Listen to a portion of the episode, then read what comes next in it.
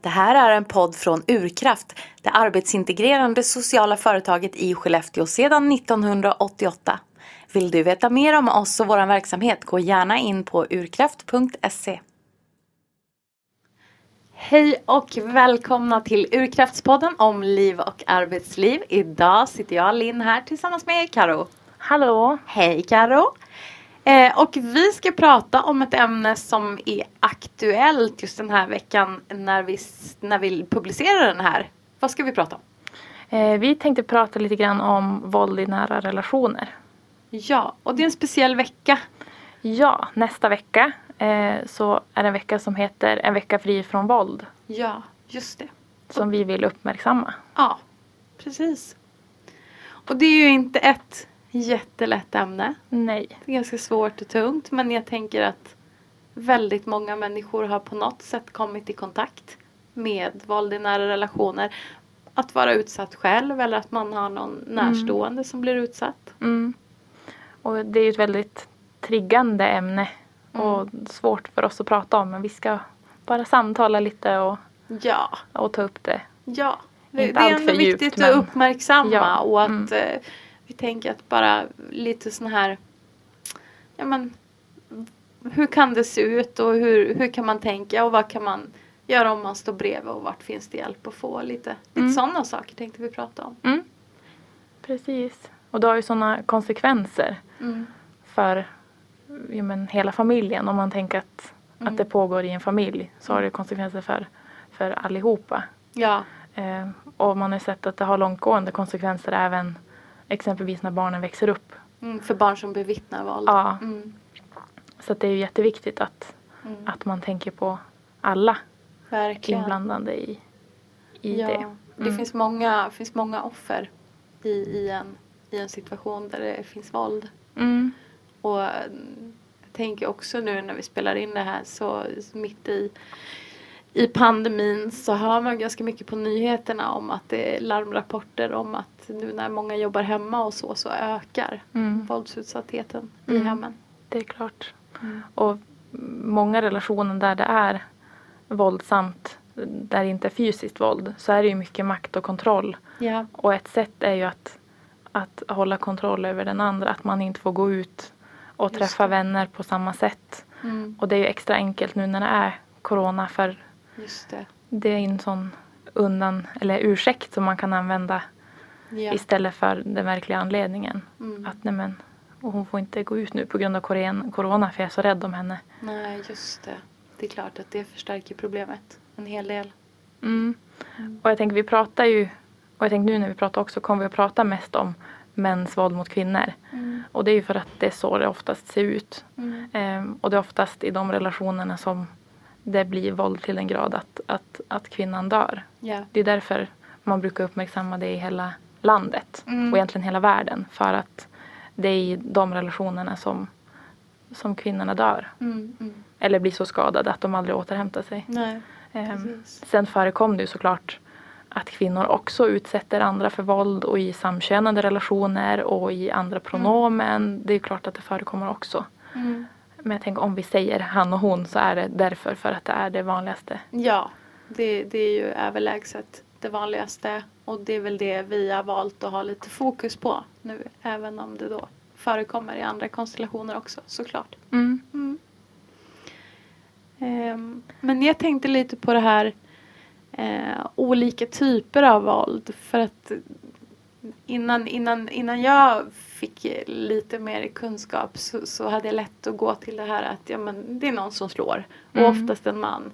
Mm. Men sen, sen har jag förstått att det finns olika typer av våld och vilka typer brukar man prata om? Mm. De vanligaste är ju fysiskt våld mm. och så psykiskt våld. Ja. Att, man, att man trycker ner någon, att man säger väldigt dumma saker och att man, ja men ni kan ju tänka er sånt man inte vill höra. Ja, att en närstående säger till en att man använder sådana ord. Mm. Eh, sen finns det ju också ekonomiskt våld.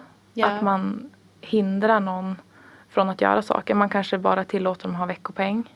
Aha. Att man själv tar all kontroll över ekonomin och kanske köper vad man själv vill ha. Mm. Dyra saker men att, att den andra personen får ingenting. Eller bara knappt så att man klarar sig. Mm. det är också ett sätt, oftast handlar det om kontroll Mm. och makt. Men det är ett väldigt tydligt sätt att inskränka någons liv. Ja. Att ha kontroll över ekonomin. Eh, sen så finns det ju materiellt våld. Mm. Om man hotar att slå sönder sånt som man tycker om i det. hemmet. Mm. Det kanske man inte tänkt på så ofta. Nej. Men det är klart att det är också det är som ett hot om att bli våldsam. Mm. Och kanske inte mot en person för att det syns ju. Men jag kanske slår sönder dina finaste grejer om inte du beter dig. Just det. Mm. Eh, och i det materiella våldet så ingår ju också husdjur. Okej. brukar Mm. man prata om. Mm. Ehm, och det har ju växt jättemycket på Mm. senare tid att man har börjat uppmärksamma det. Ja. Ehm, och det är ju för att de har haft fall där det, där det har varit kvinnor som har behövt hjälp av kvinnojouren. Mm. Eh, men som har valt att inte flytta till sådana här jourlägenheter för att de inte har kunnat ta med sig sina djur. Ja. Och så har de stannat kvar så länge att det har gått riktigt dåligt. Mm. Eller riktigt illa. Mm. Eh, så att nu har de ju bland annat skapat en, en organisation som heter VOV. Ja. Eh, jag ska komma ihåg vad den heter men den heter Veterinärs omtanke om våldsutsatta. Okej. Visst blir det VOV? Jo det blir det. Ja. ja. Ehm, och de jobbar på att hitta lägenheter där man får ha djur. Okej. Vad Jourhem. bra. Ja, för det är jätteviktigt. Om det är en familjemedlem så kan man ju tänka att man inte skulle inte lämna sina barn heller Nej. i den här relationen. Nej, men det är klart. Och likaså vill man ha med sig sin hund eller sina katter och, Ja. och så. Eh, och det om man är en sån som jag som ser mycket på såna här eh, brottsserier i huvudet på en mördare eller eh, svenska fall. Eh, Ja. Då ser man ju ibland att när de kom till lägenheter där det har varit Mm. att en kvinna, oftast en kvinna har blivit ihjälslagen eller dött Mm. så kan det ju också ligga döda djur. Ja, Att-. Att han antingen innan har dödat djuret eller efteråt. Mm. Det är vanligare än vad man tror. Mm. Eh, och det är ju väldigt kvarhållande. Mm. Precis. Och det är väl det här, nu är inte vi några föreläsare så, men som jag tänker är så viktigt också att få ut informationen om att våld kan se ut på så många sätt. För, för jag tänker att, att man har stött på, som jag sa i början, att jag tror att de flesta har stött på våldsutsatthet på något sätt. Och, och, och, och även jag, eh, kvinnor som, som har varit våldsutsatta men, men som kanske har varit utsatta för det psykiska eller materiella eh, våldet. Och då är det så svårt för dem att förstå själva att de Mm. är våldsutsatta. Mm. Ja, om vi bara pratar om en viss typ. Ja, om Då- det fysiska. Mm. Då kanske man förminskar det själv och tänker att nej, men det här är ju inte Mm. våld. Utan det här är ju kanske normalt. Mm. Att alla gör så här. Och kanske inte lika tydligt heller på något sätt. Alltså när, jag tänker att när någon blir fysiskt våldsam så finns det en väldig tydlighet i det. Mm. Medan det psykiska våldet kan vara lite flytande, kanske lite svårt Mm. att känna in. Är, Mm. det här, är det här psykiskt våld jag är utsatt för nu? Mm. Mm. Och det psykiska, det kan ju vara väldigt många olika saker.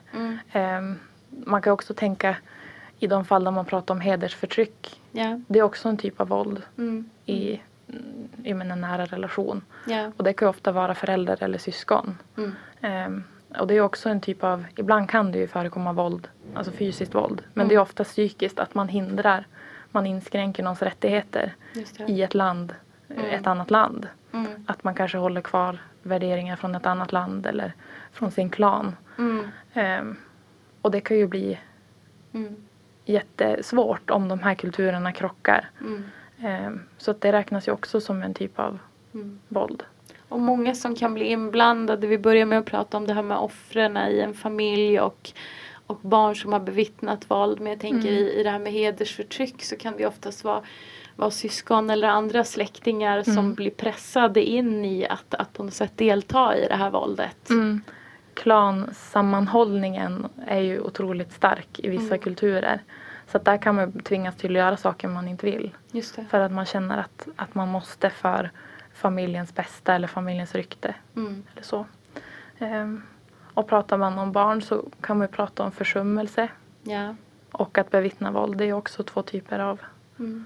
av en typ av våldsam relation. Ehm, och försummelse kan ju också vara en partner som har någon typ av funktionsnedsättning. Mm. Att man inte låter sin partner få sina behov tillfredsställda ja. eller liksom, mm. ja, kanske, tillgodosedda menar jag. Ja mm. precis, kanske hindra dem från att ta sin medicin. Yeah. Eller att de inte får tillräckligt med mat. Alltså, mm. Sådana där saker kan det också vara. Just det. Så det är ganska brett. Ja, och verkligen. det är lätt att missa. Mm. Och bara tänka jo, men, psykiskt verbalt och mm. att tänka fysiskt våld. Mm. Ja. ja, jätteviktigt att, att, att det här uppmärksammas och, och i, i den här veckan nu på olika sätt. Mm. Men om man nu om man då känner någon som, som man misstänker är våldsutsatt. Mm. Vad, vad, vad, är så rekommendationerna eller vad, vad kan man göra utan att, vad kan man försöka göra? För jag tänker att det kanske inte finns något jättetydligt svar. Men... Mm. Jag tänker att man, att man kan vara väldigt intresserad om man tänker att det kanske är en, en vän mm. eller någon som man ändå pratar med, en familjemedlem eller så. Att man kan vara ganska intresserad av att de kan berätta om sina relationer. Yeah. För jag tänkte ju först då som man kanske kan se varningssignaler. Mm. Um, det är ganska vanligt att för jag tänkte ingen som börjar med att slå Nej. på första dejten utan det kommer ju ofta smygande mm. eller genom olika kontroll. Att man vill ha olika typer av kontroll. Mm. Eh, att man inte får träffa vänner och så. Och det kan ofta vara att, att vännerna tänker att men gud vad gullig han är. Han vill bara att du ska, han vill ha dig för sig själv. Det har man ju hört uh. att folk har sagt och det kan ju vara bara i början att man är i någon mm. vacker fas. Men det kan ju också vara ett tecken på att, att den här personen vill inskränka din frihet. Mm. Mm. Och vill utöva någon typ av kontroll. Så att om man, om man lyssnar på vad ens vänner berättar mm. och kanske frågar själv också, ja, men hur, hur är din relation och mm. hur har du det med din partner? Att man börjar så är ju, det är som steg ett. Ja. Ähm, tänker jag. Mm, mm. Jo, men det är ju... Jag såg någon, någon dokumentär, jag vet inte, men, men där någon som, en kvinna som hade varit våldsutsatt berättade att hennes chef hade sagt att jag, jag förstår vad som händer men jag vet att du inte kommer erkänna. Men du ska bara veta att om du är beredd att ta emot hjälp och göra någonting annat så finns mm. jag här. Mm. Och att inte, om man får reda på någonting, mm. att man inte pressar utan att man mer försöker skapa en allians. Att jag finns här för dig. Du ja. kan alltid prata med mig. Mm. Och att man inte försöker pressa att du måste lämna honom nu. Jag kommer och ja. hämtar dig. Ja. Eh, om den personen säger det så ska man naturligtvis mm. försöka om man kan. Jo, men det är klart jag kommer och hämtar dig nu. Mm. Men om den personen är väldigt på andra sidan då kanske man måste vänta tills den självmant kommer till en. Just det. Och då är det bättre om man har som skapar en allians. Att Mm. Att den personen vet att när den dagen kommer så är det här en person som jag kan vända mig till. Mm. För jag tänker att ibland så är det ju inte alls synligt för omvärlden. Men ibland så kan det ju vara lite synligt för omvärlden också.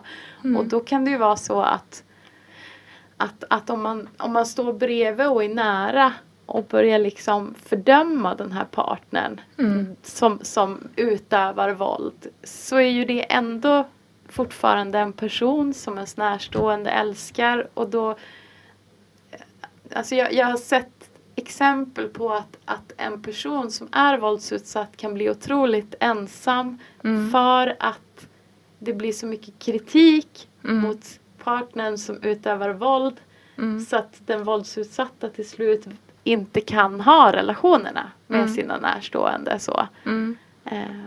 Och som som vi sa innan att det kommer ju aldrig på första Nej. dejten. Så det har ju som hunnit utvecklas till en relation så att det här är ju aldrig en våldsrelation hela tiden utan Nej. det är ju som en växling mellan våld och mellan värme och kärlek. Mm. Mm. Och att leva i en sån här relation där det är så mycket känslor kan ju göra att man får något typ av traumatiskt band istället. Ja, att, man, att man känner att nej, men det är som vi två i det här. Mm. Och då om ens vän ifrågasätter ens partner då kan det nästan bli att man blir lite defensiv. Mm. Eh, sen brukar det vara att man lägger väldigt mycket skuld på sig själv. Ja. Och att man försöker att nästan dissociera sig från den här relationen. Att det här händer inte. Just det. Det, här, det här sker som inte. Mm. Han är jättegullig och jättesnäll och det här var en engångsgrej. Det här kommer aldrig hända igen. Mm. För att man, man känner att att det var mitt fel. För Just att oftast är det den känslan som partnern vill att man ska känna. Mm. Och, och det är utifrån precis de sakerna jag tänker den här lojaliteten och kärleken och alltihopa. Så det är viktigt att, att om man står nära att man inte går på för hårt. Att man mm. är, är på något sätt följsam och bara mm. finns kvar och inte mm. börjar villkora saker eller, eller så. Mm. Mm. Och jag tänker om man, om man får någon liten dålig magkänsla som anhörig så finns det jättemycket på nätet att man kan googla men, kanske varningssignaler eller olika typer av våld. För det finns ju även om man tänker olika typer av kontroll. Ja.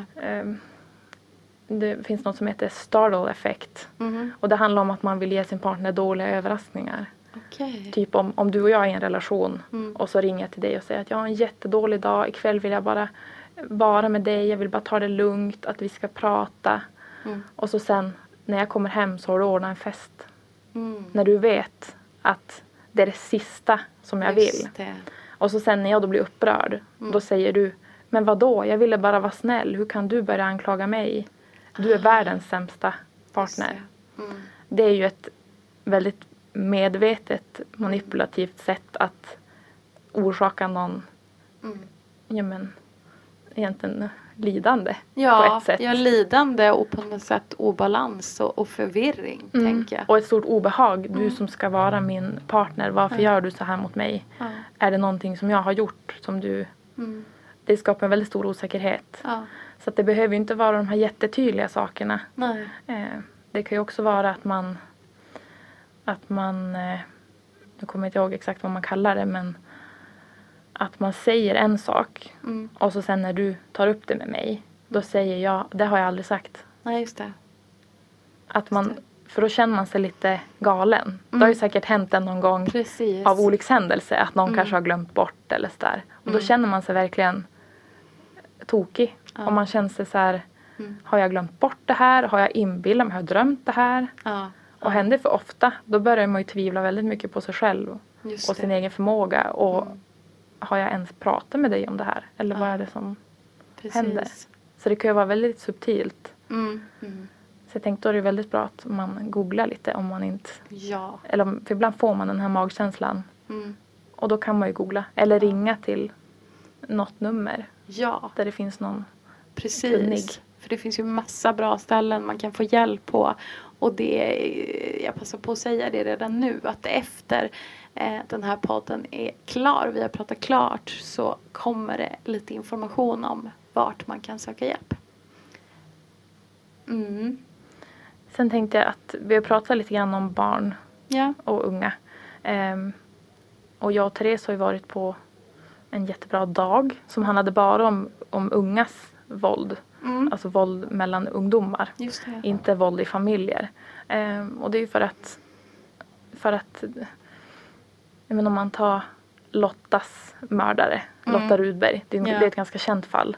Um, han började ju inte slå henne, eller han började inte slå kvinnor när han var 40. Nej. Utan hans, jag har ju sett hans tv, eller ett, ett program om honom. Ja, ja. Uh, och han, det började jättetidigt. Mm. Och han har haft ett svårt liv som väldigt många mm. personer har som hamnar mm, på det här sättet i någon våldsam relation som ut, utövare. Mm. Eller i kriminalitet eller mm. någonting annat.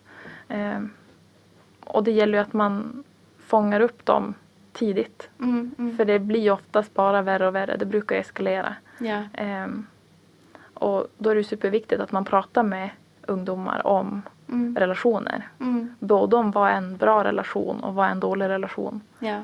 Och då måste man ju prata med dem på deras språk. Eh, ja. ja. Du som har en tonåring vet ju att man kanske inte alltid kan nej, använda det, sitt vuxenspråk. Det är inte riktigt samma språk. Nej. nej.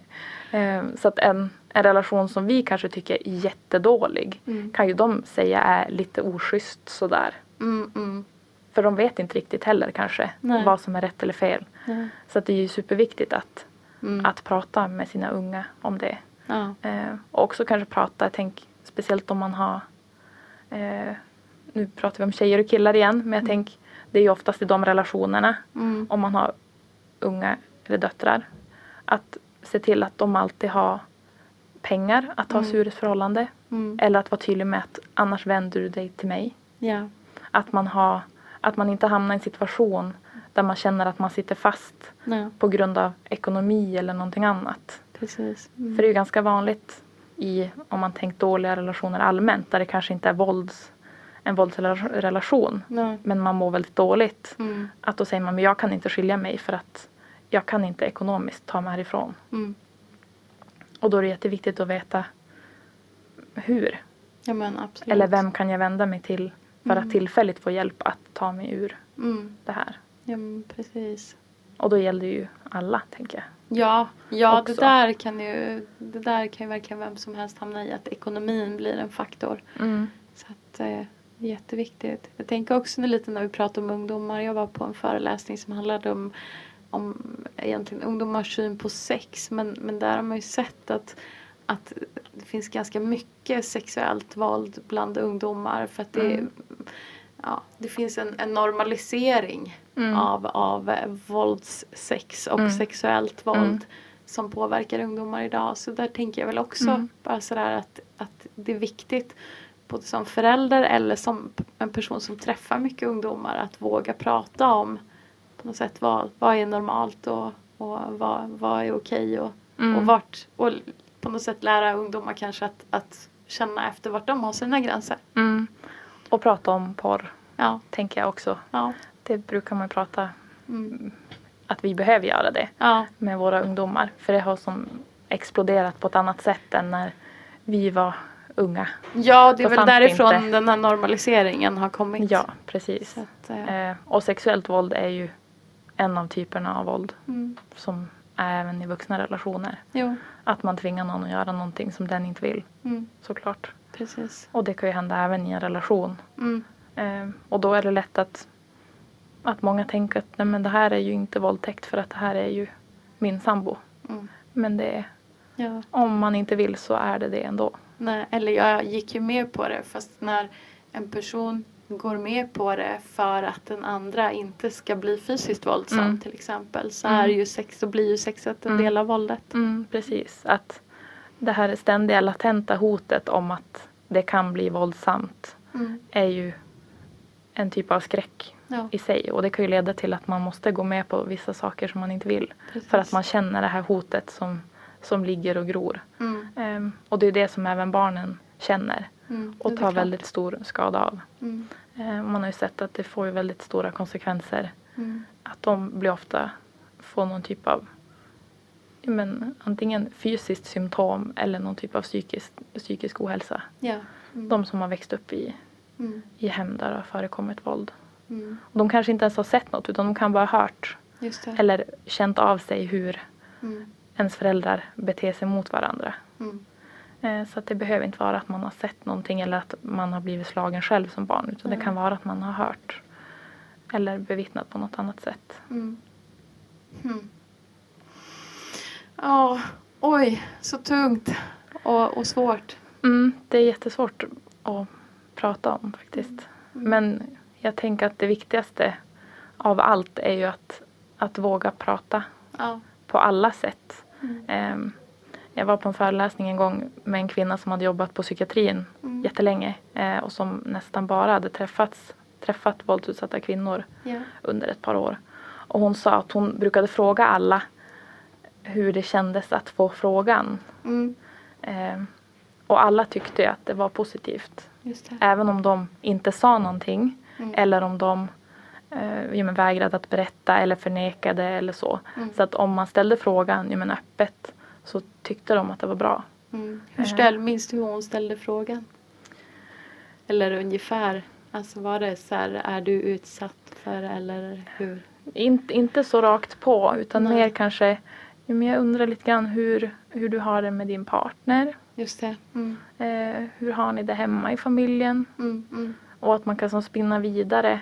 Eh, mm. sen är det väldigt viktigt att fånga upp eh, om någon säger någonting som inte känns riktigt bra. Om någon säger att nej men han, han blev lite arg sådär. Mm, just det. Att man då frågar vad menar du mm. med när du säger att han blir lite arg sådär. Mm.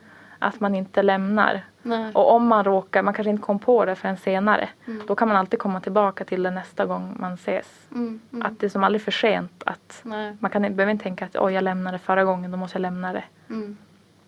Ja, så känner du, får en konstig känsla eller misstänker att någon i din närhet är våldsutsatt. Våga prata, våga fråga. Mm. Närma dig försiktigt, mm. var inte dömande. Eh, finns kvar men, men våga fråga. Mm. mm. Absolut. Vi kommer ju under en vecka nu, inte bestämt riktigt vilken dag, och ha en manifestation mot våld. Mm, en ljusmanifestation. Precis.